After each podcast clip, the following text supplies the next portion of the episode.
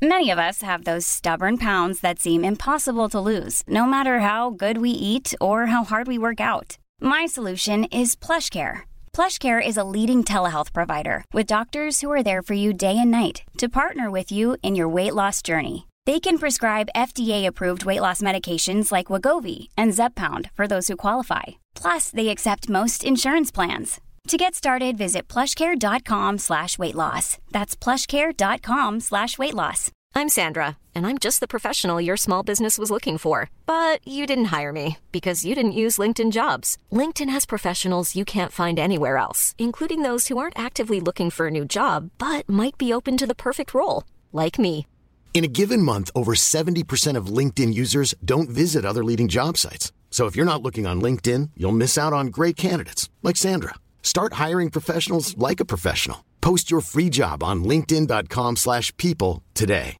Hey Dave. Yeah, Randy. Since we founded Bombus, we've always said our socks, underwear, and t-shirts are super soft. Any new ideas? Maybe sublimely soft. Or disgustingly cozy? Wait, what? I got it. Bombus. Absurdly comfortable essentials for yourself And for those facing homelessness. because one purchased equals one donated. Wow, did we just write an ad?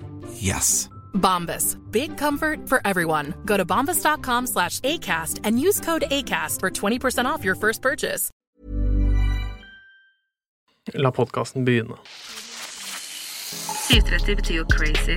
Hva er 730 i deg? Dette er 730.no, og jeg heter Mathilde Ullum. Velkommen til 730.no. Let the games begin. Ja.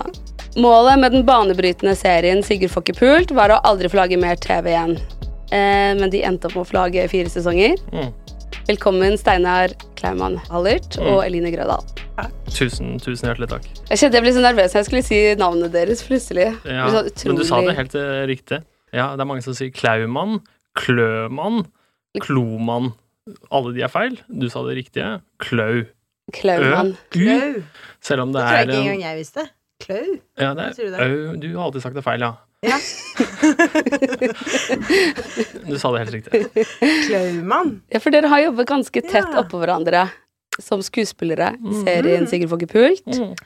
Der du var skuespiller, Line, og du Ja. var skuespiller og serieskaper og manusforfatter, Steinar. Ja. Ja. Mm. Når man jobber så tett, blir, blir man veldig godt kjent, da? Ja, det vil jeg si. Var et ledende spørsmål. Det er et veldig ledende spørsmål, men uh, det vil jeg si. Eller det som er unikt for vår arbeidsplass, i hvert fall som skuespillere, er jo gjerne at vi skal spille ut kanskje noe dramatikk, og det er jo litt uvanlig med en kollega som på en vanlig arbeidsplass, da. Eh, så blir man jo kan jo Man kan jo stå og smalltalke med folk gjennom arbeidsdagen, eller man blir kjent på en eller annen fest med jobben, eller ved å se hverandre hver dag, så på en måte får du en slags dialog, da, gående. Jeg tror det er mange i vårt yrke som kan føle at de kanskje kommer fortere nærere folk fordi man plutselig skal spille en intim scene, eller du skal gå inn i en tematikk som er vanskelig. Og da plutselig har vi leseprøver, eller så snakker vi om det med regissør før vi skal gjøre scenen, og da kommer man jo kanskje inn på temaer som gjør at det blir personlig med en gang, da. Det er jo, dere har vært sykt kreative med å finne på situasjoner. Mhm. Jeg bare jeg lurer på, Hvor har dere liksom funnet inspirasjon til alle de kleine scenene? Tusen hjertelig takk. Eh, mye av det tror jeg oppleves kleint fordi det er noe gjenkjennelig i det. Og det er gjenkjennelig, tror jeg, fordi mange av situasjonene er faktisk også basert på ting vi har opplevd. da. Eh, og så er det ofte gjerne da skrudd til sånn litt ekstra for uh, underholdningens skyld. Men uh, hva gjelder f.eks. disse monologene i begynnelsen, så er de i stor grad basert på ting jeg har opplevd, da. Får du noen gang liksom fylleangst når du skal levere fra deg manuset? At du føler at nå var jeg litt for ærlig? Egentlig ikke. Jeg har fått ganske sånn god selvtillit på akkurat det. Og det er heller det Det som er vanskelig, er å finne Finne fram de tingene man syns har vært ubehagelig opp igjennom. Da. Jeg har egentlig vært ganske Jeg har tømt meg i ganske stor grad når det kommer til den eh, Sigurd-serien, for liksom fortellinger, ting jeg har skammet meg over fra fortiden. Så Det, er- det er bra podkastinnhold. Her, her åpner han seg. Har eh, den skrivingen vært eh, som terapi for deg? Vet du hva, jeg vil si ja på det. Nei. Det er en terapi for meg å, å snakke, rett og slett, med uh, hvem som helst, og kanskje det ultimate da å kunne fortelle uh, noe via en TV-serie om ting som for eksempel overgrep eller uh, lignende. Er det, vet du om det har hjulpet mange mennesker? Om, om det har hjulpet mange mennesker? Ja. Eh, ja, altså jeg har fått mange hyggelige meldinger da, om folk som kjenner seg igjen og, og sånn. Uh, men jeg vil ikke strekke det så langt som å si at jeg har hjulpet eh, så mange andre mennesker, nei. Men jeg merker ganske, Det eh, ganske tidlig at det, det funket for meg, var å bare snakke om om ting jeg skammet meg over, da. Og et eksempel som nevnes i den som jeg også har snakket om før, da, men som var liksom eh, innsalget til hele Sigurd, var liksom den monologen, den første monologen, fortellingen om det å eh, være tenåringsgutt og eksperimentere med andre gutter seksuelt. Eh, det husker jo jeg veldig godt som liksom i 15-16-17-årsalderen så lå jo jeg og tenkte på det på, på senga mi, liksom. Hva faen er jeg Jeg er ikke homo, det vet jeg at jeg ikke er. Hvorfor hva, Hvor kom det der fra? Hva, hva i all verden holdt jeg på med det der, liksom? Og det var sånn jeg, det var en ekte sånn der uh, ubehagelig følelse, da. Hva faen er det jeg har gjort, egentlig? Hva slags menneske er jeg? Så, hva, hva pressa jeg meg på? Nei, vi var to om det. Ok, Så han også er litt sånn snål seksuelt, da. Altså, de, de tankene surra og gikk, og så kom det til det punktet hvor jeg øh, åpnet meg. Jeg ble veldig trygg på en fyr på, på folkehøgskolen, fortalte om det, da. Fortalte det sikkert litt sånn med, med humor og sånn, da. Da var det liksom bare utrolig deilig da han bare umiddelbart svarte med at jeg var liksom ti kilo av hans skuldre, for han hadde samme opplevelse da. Da ble jeg så, jeg ble så rusa av den følelsen, så jeg begynte å si det. Og der igjen så må jeg begrense meg, da, for jeg har ikke noen hemninger igjen. Jeg, jeg ble så rusa på den følelsen at jeg begynte å si det til, til alle jeg møtte, og gjerne som det første. Eh, at jeg, at jeg Kan du har si det her? Hva den historien går ut på? Nei, altså det er ikke noe historie utover at jeg gjorde nettopp det. Da. At jeg, at jeg eh, låste gutterommet sammen med eh, kameraten min, og så gjorde vi i stand liksom med puter og eh, dyner og sånn, og så kledde vi av oss klærne, og så gikk jeg ned på kne og puttet hans tiss inn i munnen min, eh, og så byttet vi rolle, og så husker jeg også et øyeblikk hvor jeg prøvde å dytte tissen min inn i rumpehullet hans, men det gikk ikke. Det var rett og slett sånn bare sånn dyrisk eh, eksperimentering, da. Og den su det, altså, jeg sugde han ikke, jeg bare hadde liksom tissen i munnen, liksom. Jeg husker det så godt. Jeg, luk jeg lukket Jeg hadde leppene, bare la leppene rundt. Og, og det var det. Og det var, vi ante jo ikke hva vi gjorde, og det var ikke, en, det var ikke nødvendigvis kåtskap, liksom. Vi tente jo ikke på det. Det var liksom bare men ja, igjen, altså det er det, da. Det er de det tanken om hva som egentlig skjedde der, da. Hva faen var det der? Det, det, det har surra og gått. Og så har jeg fortalt det til venner, og flere og flere og flere har blitt liksom offer for den, eh, Er sant den lille monologen om det, om det der. Men, men det har vært påfallende, det er hele poenget. Det har vært påfallende at stort sett alle jeg forteller det til, har lignende eh, opplevelser. Og eh, da har det også skjedd at jeg har åpnet meg til folk, og folk har sagt å, herregud, så deilig at du sier dette. Jeg har opplevd lignende, bare innad i familie. Da plutselig igjen blir det veldig mørkt, da. Ja. Da jeg tror det er at det eh, ikke er så uvanlig. At, folk, at eh, et uh, søskenpar eksperimenterer seksuelt. Um, Kan du kjenne deg igjen i det, Line? Eh, nei, ikke med søsken eh, Eller ikke innad i familie på noen som helst måte, men, eh, men jeg også kan kjenne meg inn i det derre instinktet. Det at du på en måte plutselig bare Du får et sånn dyrisk instinkt, og det er noe som føles godt, og så er det veldig pinlig. Altså, Fordi du på en måte ikke helt forstår hva som foregår. Ja. Men det er jo da du blir minnet på at du er dyr, da. Det er gøy. Sånn seksuell energi som ikke er liksom kobla opp mot alt det hva vi tenker på som uh, sex, da. Som er, Ja. Også en annen opplevelse med en uh, en uh, lille, lillesøster av en venn av meg som uh, Vi var på en hyttetur, og så sitter vi rundt et bord og spiller Monopol, og så uh, Denne lillesøsteren kommer opp til bordet og bare legger skrittet sitt på kanten der de to flatene av bordet liksom møtes, da, altså Ja, hjørnet av bordet, som det heter. Ja. Så legger hun liksom skrittet sitt opp på kanten der. Altså, hun er jo liten, da. Sitter, ser på og spille, og så ser jeg i mitt side så hun gnir seg opp og ned der, og jeg bare digger det helt åpenbart, da. Ja. Og det er, også, det er liksom Det er litt samme greie, da. At det er bare sånn Ja. eh, man, man har ikke noe forhold til den litt fascinerende gode følelsen. Og sånn, sånn er det jo sånn, Jeg vet ikke om du hadde noen sånne opplevelser som Jo, jeg husker jeg holdt Jeg hang meg liksom på dørhåndtaker hjemme, og så gnikket jeg til døren, så jeg fikk jo liksom styrketrening samtidig. Ja. Og mamma var sånn Herregud, de, hvorfor er de så løse, de håndtakene hjemme?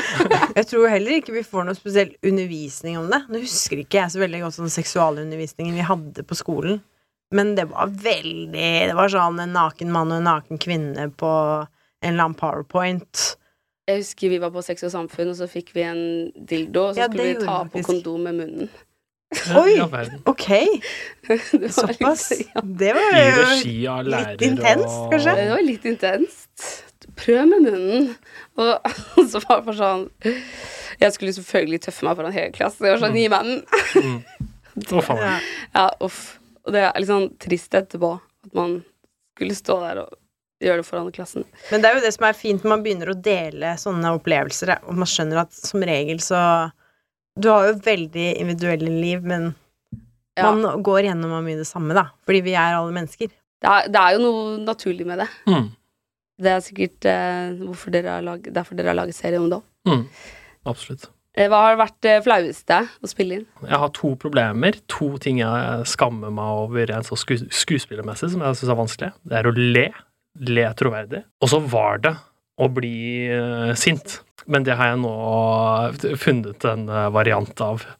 Som er rar, men som jeg liker som, Og jeg blir ikke så mye sint, sånn uh, utagerende sint, uh, i, i hverdagen og i livet ellers. Men gjennom den karakteren Sigurd så driver jeg og utforsker mitt eget sinne da, og det er ganske gøy.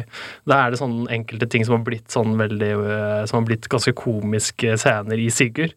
Det er liksom Det er, det er som er Sigurds ra raseri. Men jeg driver og tenker på det at det er Jeg lurer på om det kanskje er mitt raseri, som jeg bare aldri har tillatt meg. Som er en sånn corny sånn hvesing, for eksempel, som har blitt en gøy scene i Sigurd. Hvor jeg, ikke, jeg går tom for igjen, fordi det er for mye som skjer. Det, er for, det, det, det blir overveldende, så man klarer ikke å få ut det man har lyst til å si. Så man ender opp med å frese isteden. Jeg har aldri vært eh, psyko hos psykolog. Mm, Men du hadde litt traumer som barn? Jeg har aldri hatt traume som barn. Nei, men jeg, Hvor har du det jeg fra? bare tenkte sånn siden plukket opp fisk Få Fisk og stakk hull gjennom fisken og slapp de ut igjen i vann og Ikke sant. Hva er dette for noe? Uh, fortell. Hva er dette for noe? Jeg bare tenker at det kan jo vitne om et dypt traumatisk barn. Det kan det. Hva da? Dette Du kan jo fortelle om det selv, Steinar. Ja, for denne informasjonen har du fått. Ja. Du kan jo gjette hvem jeg har fått den fra. Jeg gjetter min partner. Ja. Uh, og vil du vite hvorfor jeg gjetter min partner? Ja.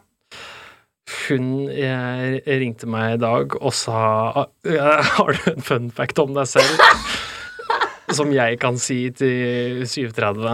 Uh, og så eh, og så hadde jeg ikke noe, eh, og jeg hadde høyttaler på på kontoret, og da skyter min kollega inn 'Fortell om da du Ja, torturerte fisk, rett og slett. Eh, og det er Og det er jeg, jeg gikk med på å fortelle det, men det skal sies at de gangene jeg har fortalt dette Som sagt, jeg, liker, jeg er eh, frittalende, så jeg, jeg liker å fortelle om, om meg selv, rett og slett. Men å, fortelle så mye som mulig, og det, det ting jeg skammer meg over. Men jo, dette har jeg fortalt til folk, og så er øh, gjennomgående stort sett alltid når jeg forteller det, så blir jeg møtt med en sånn reaksjon som er som jeg ikke klarer å tolke helt, og som øh, på ekte er litt sånn uh, som, Det er litt ubehagelig, rett og slett, fordi folk får et nytt uh, syn på meg, virker det som. Vil dere høre? Ja. Eh, Og det igjen, med tanke på hva vi snakket om nå nettopp, dette med å liksom eksperimentere som barn, så er det jo en del av den fasen, da.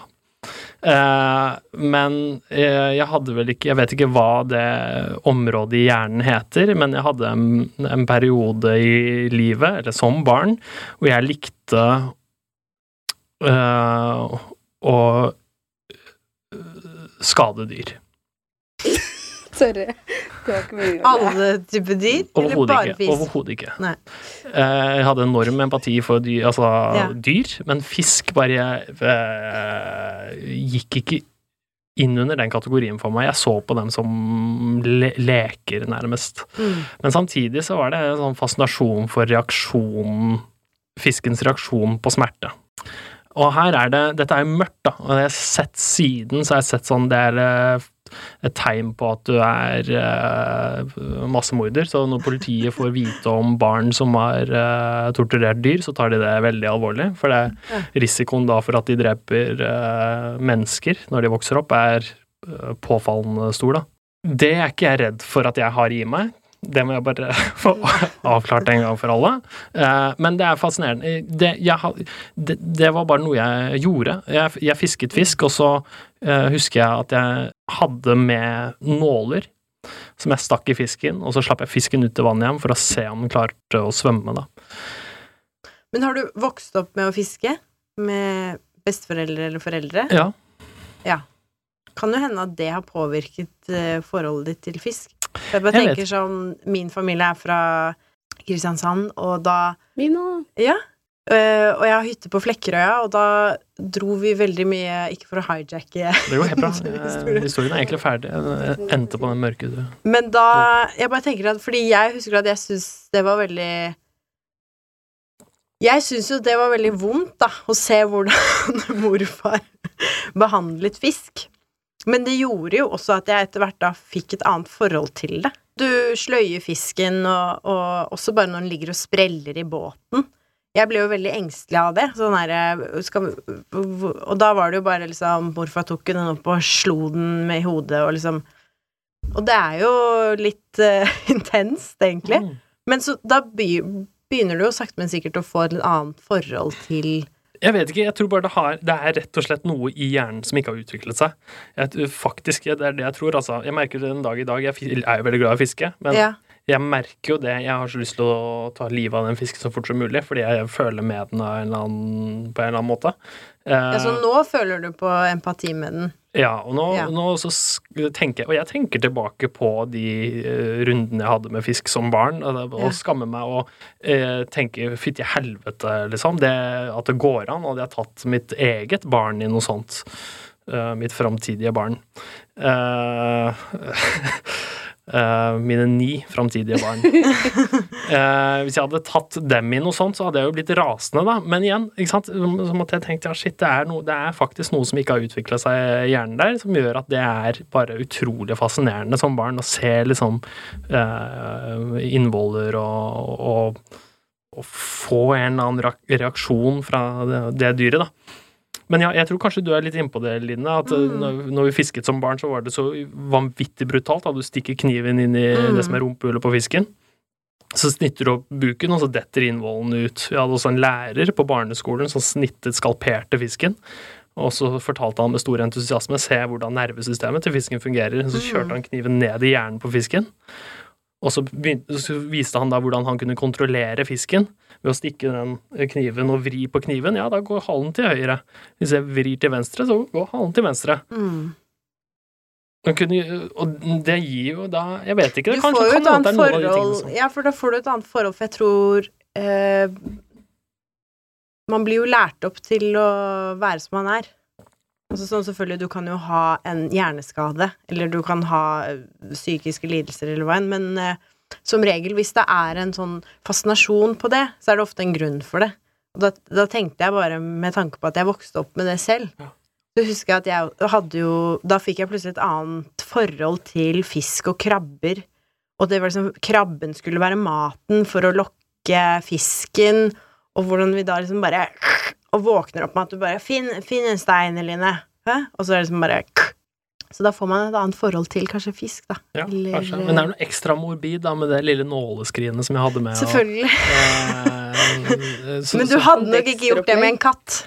Overhodet ikke med en katt. Eh, Men du hadde gjort det med Hæ? Ja. Det så ut som du skulle si men jeg hadde gjort med en hund. ja, nei, det har jeg heller ikke gjort. Jeg har veldig, jeg har alltid vært veldig glad i dyr. Men uh, det har jo vært sånn uh, formende. Jeg husker også en annen opplevelse jeg hadde, som, gikk, som bare var bare sånn nysgjerrig på hva som er inni en maurtue. Det er en av de Ja. mest rystende opplevelsene jeg har hatt i hele mitt liv. Som var eh, min far som oppdager at eh, maurtua som ligger på vår liksom sånn tomtegrense, da, den har jeg rett og slett sabotert. Jeg husker jeg pappa tok meg til side og sa litt sånn Det der, Steinar, det der er Altså, vet du hvor mange år de har, de har brukt på å bygge det hjemmet der, og hvor komplekst liksom, dette, dette insekthuset er? Ja. Og du har bare rasert det med liksom en pinne. Det går ikke an, og du skal skamme deg. Og det husker jeg gikk så vanvittig inn på meg, for da hadde jeg jo bare Jeg hadde helt sånn hodeløst bare lekt dem over til Hva faen er det som er inni, egentlig? Er det, Mm. uh, og, så, og så plutselig så fikk de små, bitte små insektene et liv og en mening, liksom. Så det var helt sånn, det var helt vanvittig opplevelse, rett og slett. Så det også angrer jeg på, da. Og siden ikke ødelagt en eneste maur, Ja, men Da, Ja. ikke sant, da får du en konsekvens. Og det er jo litt når du på en måte har en lærer, og nå går vi veldig dypt inn i det her, men eh, når du har en lærer og foreldre og besteforeldre, og du fisker og vokser opp med det, og se, nå gjør jeg sånn, da beveger halen på seg, og da får man et helt annet forhold til også hva som er ok, å teste selv. Så da syns jeg ikke egentlig det er så rart. Nei. La oss eh, avslutte på det. Hey, I'm Ryan Reynolds. At Mint Mobile, we like to do the opposite of what Big Wireless does. They charge you a lot, we charge you a little. So naturally, when they announced they'd be raising their prices due to inflation, we decided to deflate our prices due to not hating you. That's right. We're cutting the price of Mint Unlimited from $30 a month to just $15 a month. Give it a try at mintmobile.com slash switch. $45 upfront for three months plus taxes and fees. Promo rate for new customers for limited time. Unlimited more than 40 gigabytes per month. Slows. Full terms at mintmobile.com. Quality sleep is essential. That's why the Sleep Number Smart Bed is designed for your ever evolving sleep needs. Need a bed that's firmer or softer on either side? Helps you sleep at a comfortable temperature? Sleep Number Smart Beds let you individualize your comfort so you sleep better together. JD Power ranks Sleep Number number 1 in customer satisfaction with mattresses purchased in-store. And now, save 50% on the Sleep Number limited edition Smart Bed for a limited time. For JD Power 2023 award information, visit jdpower.com/awards. Only at a Sleep Number store or sleepnumber.com. Here's a cool fact a crocodile can't stick out its tongue. Another cool fact you can get short term health insurance for a month or just under a year in some states. United Healthcare short term insurance plans are designed for people who are between jobs, coming off their parents' plan, or turning a side hustle into a full time gig. Underwritten by Golden Rule Insurance Company, they offer flexible, budget friendly coverage with access to a nationwide network of doctors and hospitals. Get more cool facts about United Healthcare short term plans at uh1.com. Men du har vokst opp i Kristiansand, Eline? Eh, nei, Nei. vokste opp i Oslo. Du har vokst opp i Oslo, men Ja. familien din er derfra? Ja. Så da er der mye? Jeg har vært der mye om sommeren, ja. Har du vært Mm. mye i Dyreparken? Eh, nei. Det, jeg var kanskje i Dyreparken to-tre ganger da jeg var liten. Og det husker jeg var veldig intenst. Ja. Å se på um, Kaptein Sabeltann. Hva er det du sier at den, ny, den nye dyreparken, var det du sa? Nei, nei, i Dyreparken. Ah, ja. Ja, jeg tror ikke det. Er Nei, det er ikke noe nye. Mm. Men du, da? Hvor er det du har vokst opp? Jeg har vokst opp på Nesodden. Så det er egentlig bare en Oslo-gjeng som sitter her? Ja, det kan Mhm. du si. Men det er ganske annerledes på Nesodden enn det det er i Oslo. Hvordan var du som barn, Steinar? Hadde du Ja, nå vet du litt Det var helt forferdelig. Nei. Nei. Men du hadde, hadde du veldig lyst til å bli skuespiller eller manusforfatter da, eller hadde du Oi. andre drømmer? Uh, jeg vet ikke helt hva jeg ville. Jeg tror jeg ville spille bassgitar. Ja, utover det så har jeg aldri liksom hatt noen sånn misjon i livet om å bli skuespiller. Nei. Men jo, jeg begynte jo på dramalinja av en grunn. Det var kanskje først og fremst fordi broren min hadde gått der, og jeg så opp til han. da. Eh, jeg så en revy han hadde vært med på via hans eh, videregående skole, som jeg syns var eh, en sjelsettende opplevelse. På Ski, ski videregående. Er, det, er ikke det ganske langt unna? Det er langt unna. Jeg synes det er rart at jeg ble plassert der. Jeg måtte kjøre buss fram og tilbake, og de hadde ikke, det var stort sett bare jeg som satt på den bussen. Så, og da, så de hadde ikke råd til å vedlikeholde den. Så når den Det var en vinter, de, den hadde ikke klart å lukke dørene. Jeg kjørte en buss med åpen dør, og det snødde inn i bussen. Jeg fikk masse snø i fjeset. Og så satt jeg og skalv på vei til skolen. Det høres veldig trist ut. Det var trist, ja. Ja. Det var også trist fordi det var forferdelig eh, sånn eh, arkitektur. Eh, Ski videregående skole var lagt opp på den måten at du hadde drama som et eget bygg. Og det var, jeg hadde jo ambisjoner om å bli kjent med andre mennesker. Skolen, så, ja. ikke sant? De som gikk på drama, sånn, Mm. hadde jo sine nettverk med mennesker fra Ski. Mens når jeg, jeg begynte, så var jeg liksom bare låst i det bygget, og så gikk bare liksom disse fra idrettslinja sånn, gikk liksom gjennom dette rare bygget med dramaelever. Da fikk jeg liksom aldri blitt kjent med så mange, da. Så jeg vet ikke hvordan vi endte der, men Så du hadde ikke så mange venner på skolen?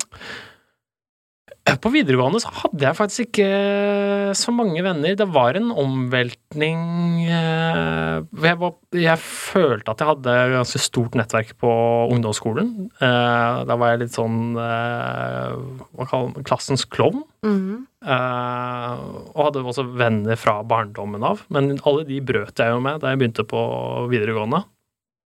Eller de fikk jeg ikke se så ofte eh, lenger. Så når jeg eh, begynte på ski, så når, når jeg, Og det var overhodet ikke noe ubehagelig traumatisk opplevelse, men, men jeg hadde ikke så mange venner der, nei. Ja, det var den, den ene dramaklassen med en annen gutt. Men jeg tenker, når du har liksom giddet å sette deg på den bussen De fleste hadde kanskje ikke giddet det etter hvert. Jeg visste ikke at det var noe alternativ å hoppe ut. Altså. Det bare sånn, det, ja.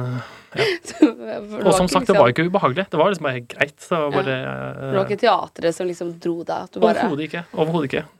Måtte trosse smertene og komme deg til scenen? Nei, og jeg var egentlig jeg var aldri noe flink på dramalinja. Jeg var- forsto ikke helt greia. Jeg, jeg, klarte, jeg hadde litt det der, det der behovet for å tulle, tulle det til. Eh, så jeg husker at vi satte opp noe sånn pro produksjon i tredje klasse og sånn. Og da var jeg Mener jeg husker i hvert fall at jeg skulle spille en sånn seriøs sånn detektivrolle eller noe sånt. Jeg endte opp med å bare slå bein under hele stykket, fordi jeg bare tulla det bort. Og jeg eh, sa at jeg glemte teksten på scenen og sånn.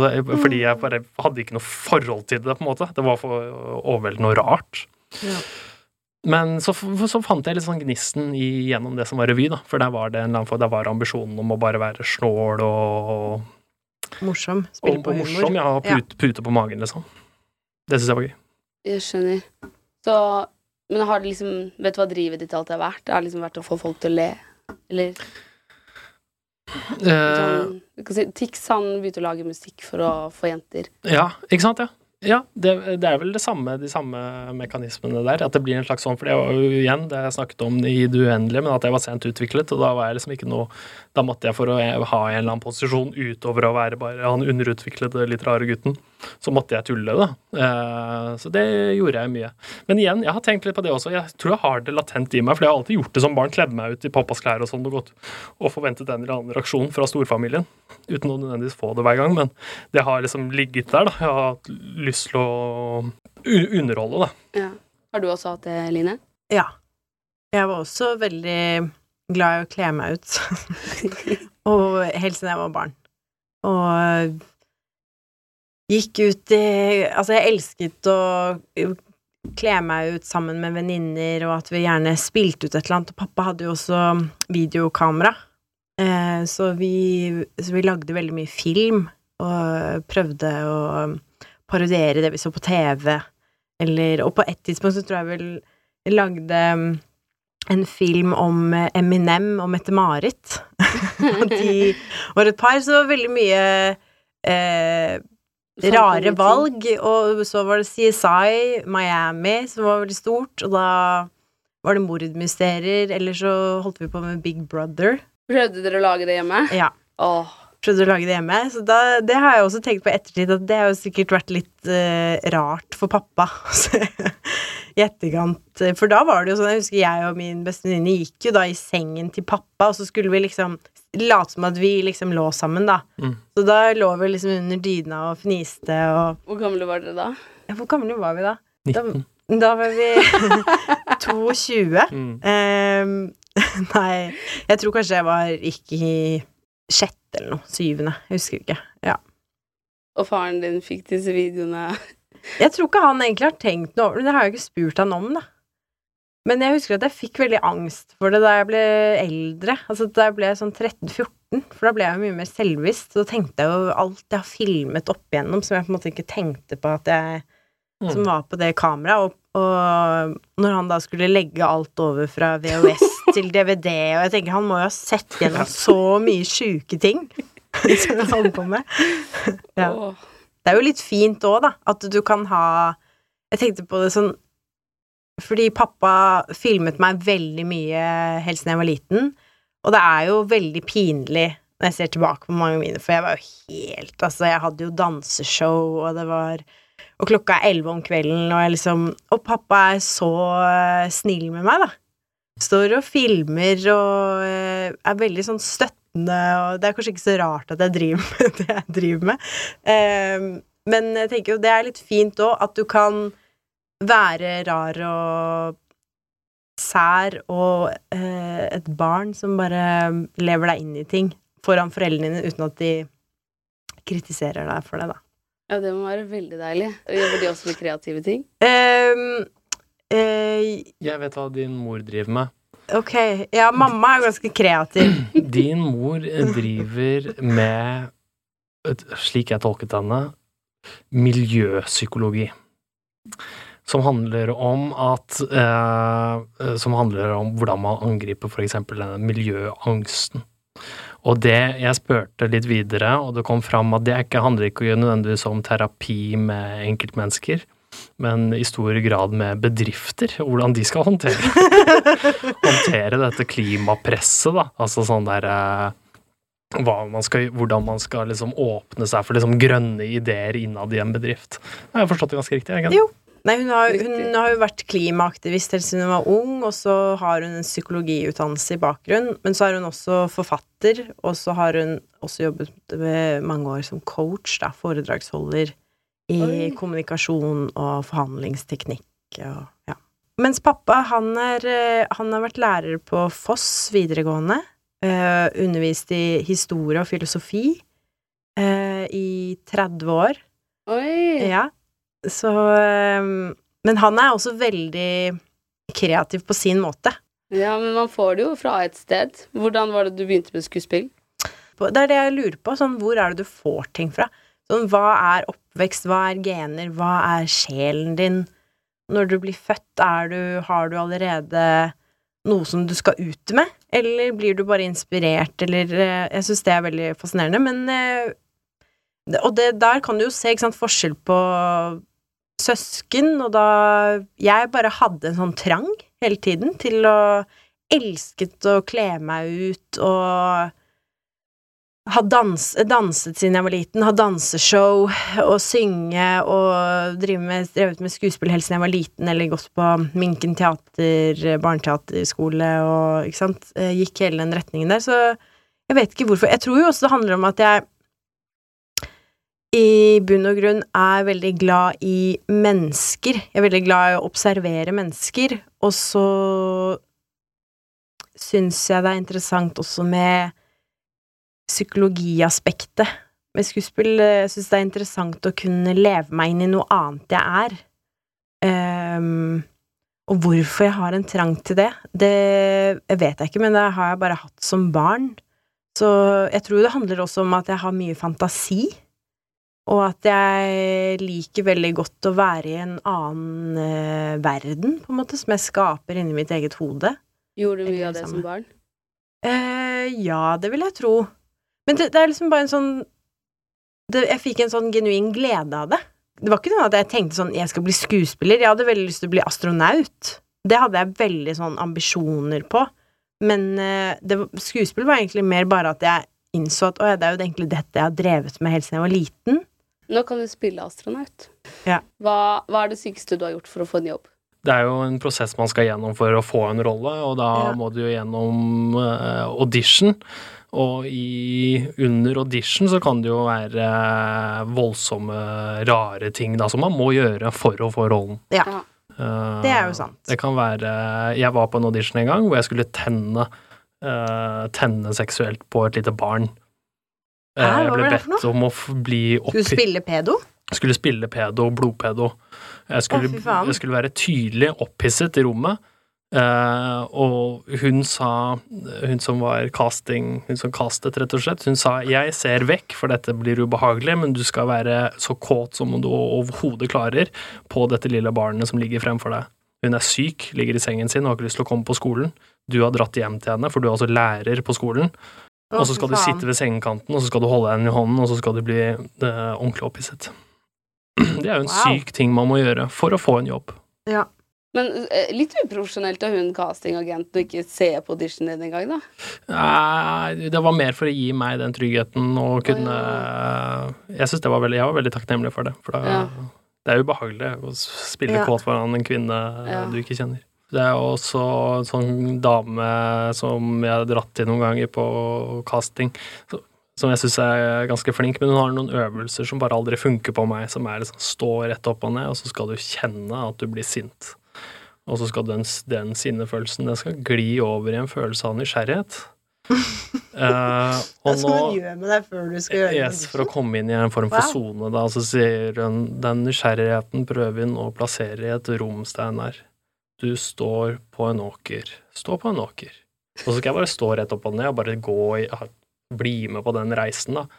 Men jeg sitter Jeg står der bare og tenker Jeg kommer ikke inn i noen sone. Jeg kommer i Dette syns jeg er rart. Det er ubehagelig.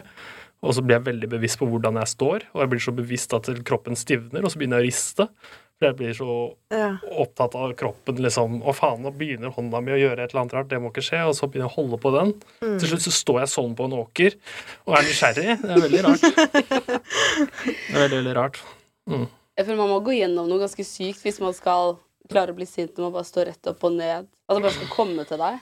Komme til deg, og så ligge der. s- siden kamera altså skal jo også filmes underveis, så du har en slags tanke om at du skal også vise noe interessant, da, eller du skal, liksom, det skal skje noe med deg. Og det er det presset der som jeg bare ikke takler på noen som helst måte. Det er vel også noe med at hvis du har en scene, så er det jo noe helt annet hvis du skal eh, spille ut en dialogscene, og man kan få regi på liksom, Her har jeg lyst til å se mer temperament. Eller at dette, dette er en trigg, dette provoserer deg, her er det et vendepunkt.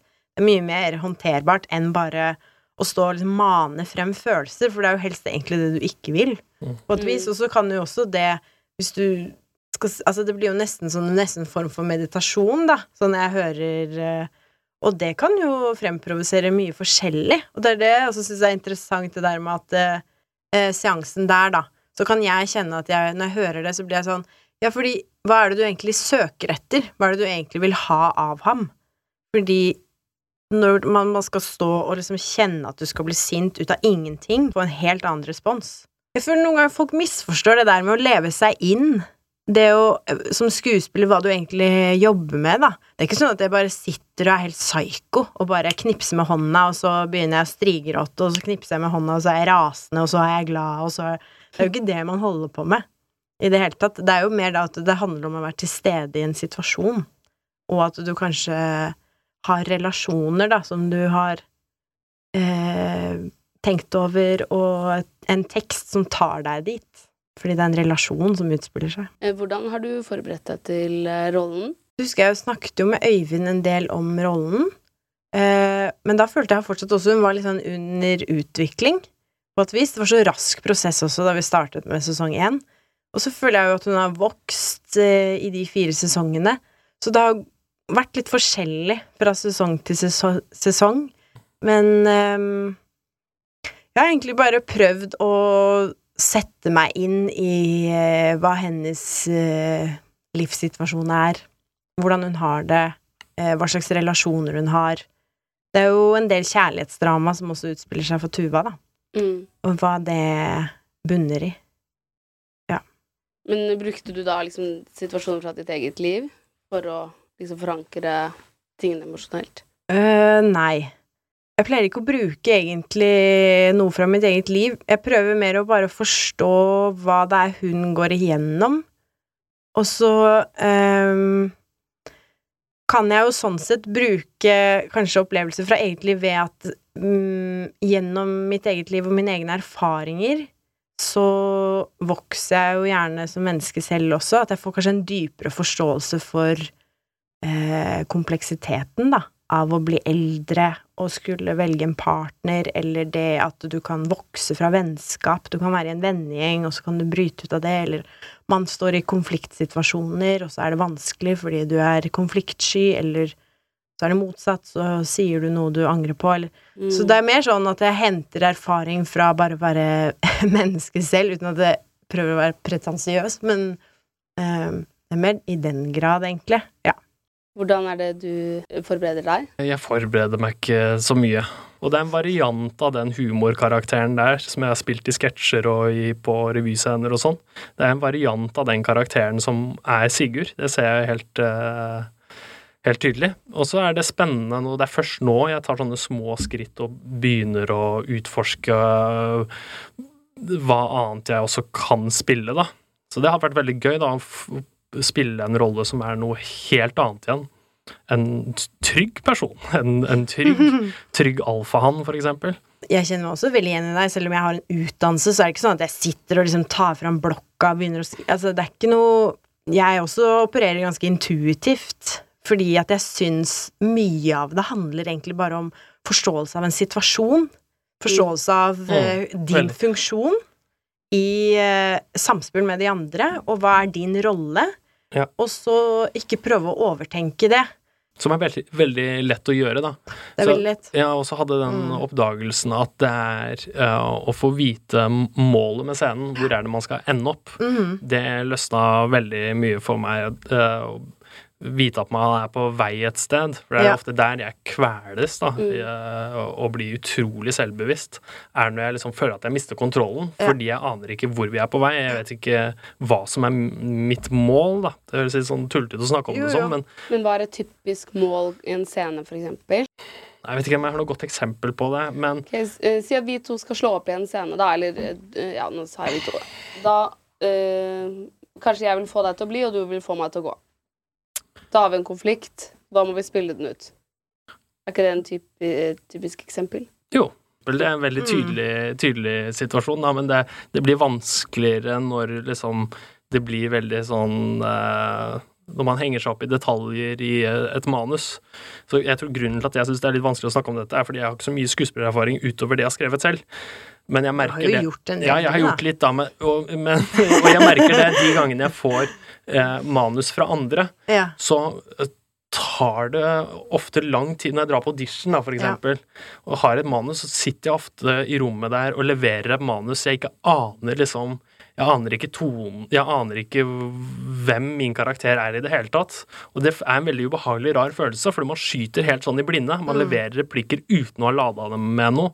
Altså Sigurd, Det kan jeg ikke si om Sigurd, fordi den er alltid lada med min karakter. Jeg har så, det vil alltid gi mening for meg, da. Det er uklart hvor- Men hvordan jeg kjenner meg veldig enig i det. Det er jo da du er veldig takknemlig hvis du er på audition med en caster som gjerne gir deg historien her. Og det er jo ikke alltid de kan fortelle så mye heller. Eller hvis du får en self-tape, så får du en liten scene på tre sider, og så er det sånn Hun er en sterk kvinne. Ja. med bein i nesa. Mm. Og så er det sånn Ja, ok, men eh, Hva betyr det? Ja.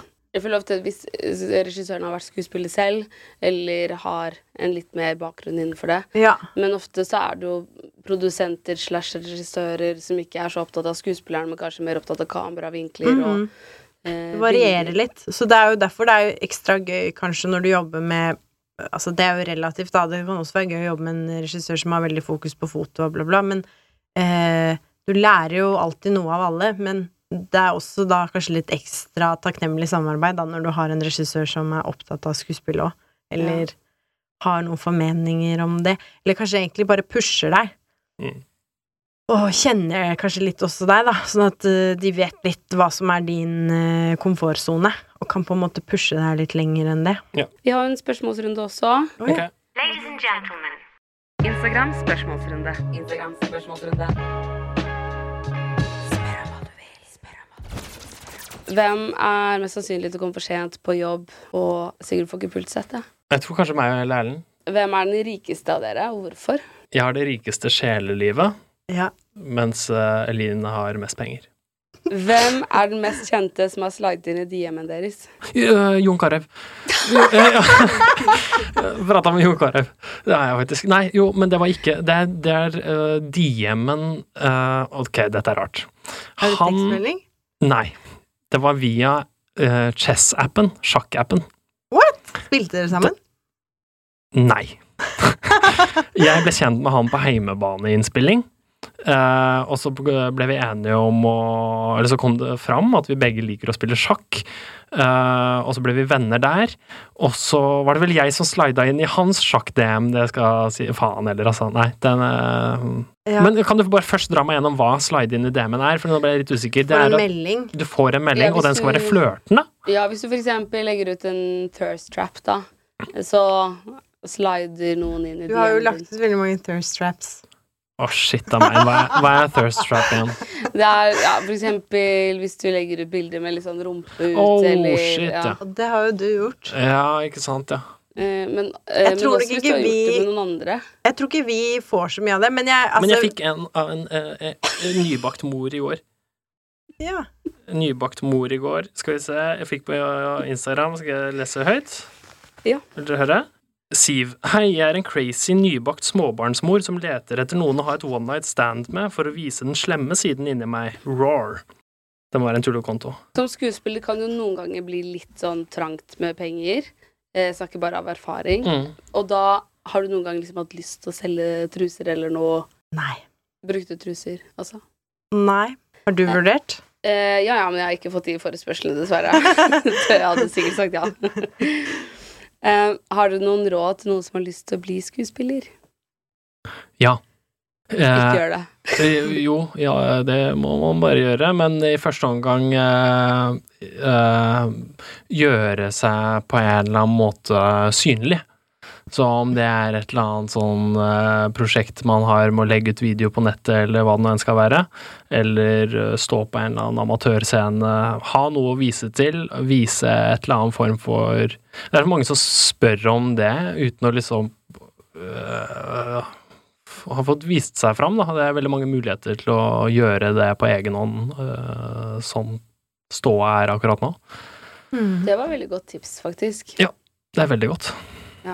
Og hva skal dere videre? Jeg har fått beskjed om at jeg ikke kan si så mye om det nye prosjektet, så jeg skal ikke gjøre det heller. Jeg har sett litt, det er veldig morsomt. Og, Du har sett litt, ja. så du kan jo kanskje fortelle oss litt. Eh, ikke, jeg kan jo ikke si noe mer om det, da, men eh, for min del Jeg har vært med i en eh, ny eh, humorserie som heter Orion, som kommer ut i januar på NRK. Oi, så spennende. Mm. Så det blir morsomt. Det er sci-fi-univers. Hva spiller du? En slags Det er eh, mye forskjellig, egentlig. Jeg spiller en slags parodi på en uh, actionheltinne. Så det er du har nesten vært astronaut? Ja. mm, Ja, Full circle. på et vis. Det er sant. Det er veldig sant. Men uh, ja, på et vis. Da var vi rundt. Det var spørsmålene. Det var spørsmålene. Okay. Og det var podkast nå. Ok, Ja. vi er ferdige. Vi er ferdige. Ok. Hvordan syns dere det har Har gått? du, har du slått av mikrofonene? Vi ruller og går. Jeg vil bare høre hvordan dere syns det har gått. Uh, da må jeg, hvis vi fortsatt ruller, så må jeg bare takke for at jeg ble invitert. Det har vært en glede å være her. Jeg må takke, jeg òg. Det har vært en glede. Ja, du har loset oss eh, gjennom kvelden. Mm. Uh, du har vært eh, dyktig og stødig, stødig ved roret. Du har også, eh, ført Absolutt samtalen. samtalen. kjempeflink. Du har vært veldig trygg. Vi bare snakker samtidig. Ja, Du har vært veldig trygg. veldig, veldig trygg. Veldig trygg. Og- Takk, da er vi ferdige.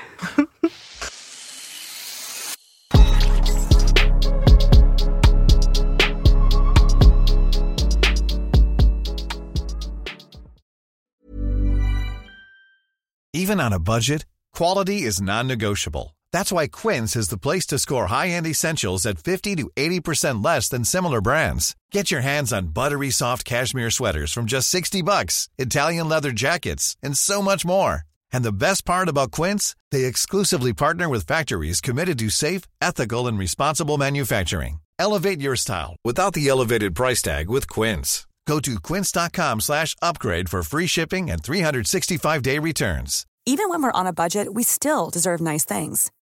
Quince is a place to scoop up stunning high-end goods for 50 to 80% less than similar brands. They have buttery soft cashmere sweaters starting at $50, luxurious Italian leather bags, and so much more. Plus, Quince only works with factories that use safe, ethical, and responsible manufacturing. Get the high-end goods you'll love without the high price tag with Quince. Go to quince.com slash style for free shipping and 365-day returns. Imagine the softest sheets you've ever felt. Now imagine them getting even softer over time. That's what you'll feel with Bowl and Branch's organic cotton sheets. In a recent customer survey, 96% replied that Bowl and Branch sheets get softer with every wash. Start getting your best night's sleep in these sheets that get softer and softer for years to come. Try their sheets with a 30-night guarantee. Plus, get 15% off your first order at bowlandbranch.com. Code BUTTERY. Exclusions apply. See site for details. Tusen takk for at du hører på 730-podden. Hvis du har lyst til å være veldig kul, så er det bare å legge igjen fem stjerner. Og da blir jeg veldig glad, fordi det er jeg som lager alt til denne podden. Og jeg trenger masse gode stjerneanbefalinger for å kunne be sjefen min om litt høyere lønn. Så det hadde vært veldig fint. Jeg slipper nye episoder hver eneste tirsdag. Og hvis du ikke har hørt alle ennå, så er det bare å spole tilbake i biblioteket. Og trykker du på følg, så kommer alle de nye episodene rett inn i spilleren sekundet de blir sluppet. Send meg gjerne en DM hvis det er noen du har veldig lyst til å ha som gjest. Og husk at vi alltid poster spørsmålsrunder på Instagram Story, så da kan du få med spørsmålet ditt i neste episode hvis du vil det. Ha det bra.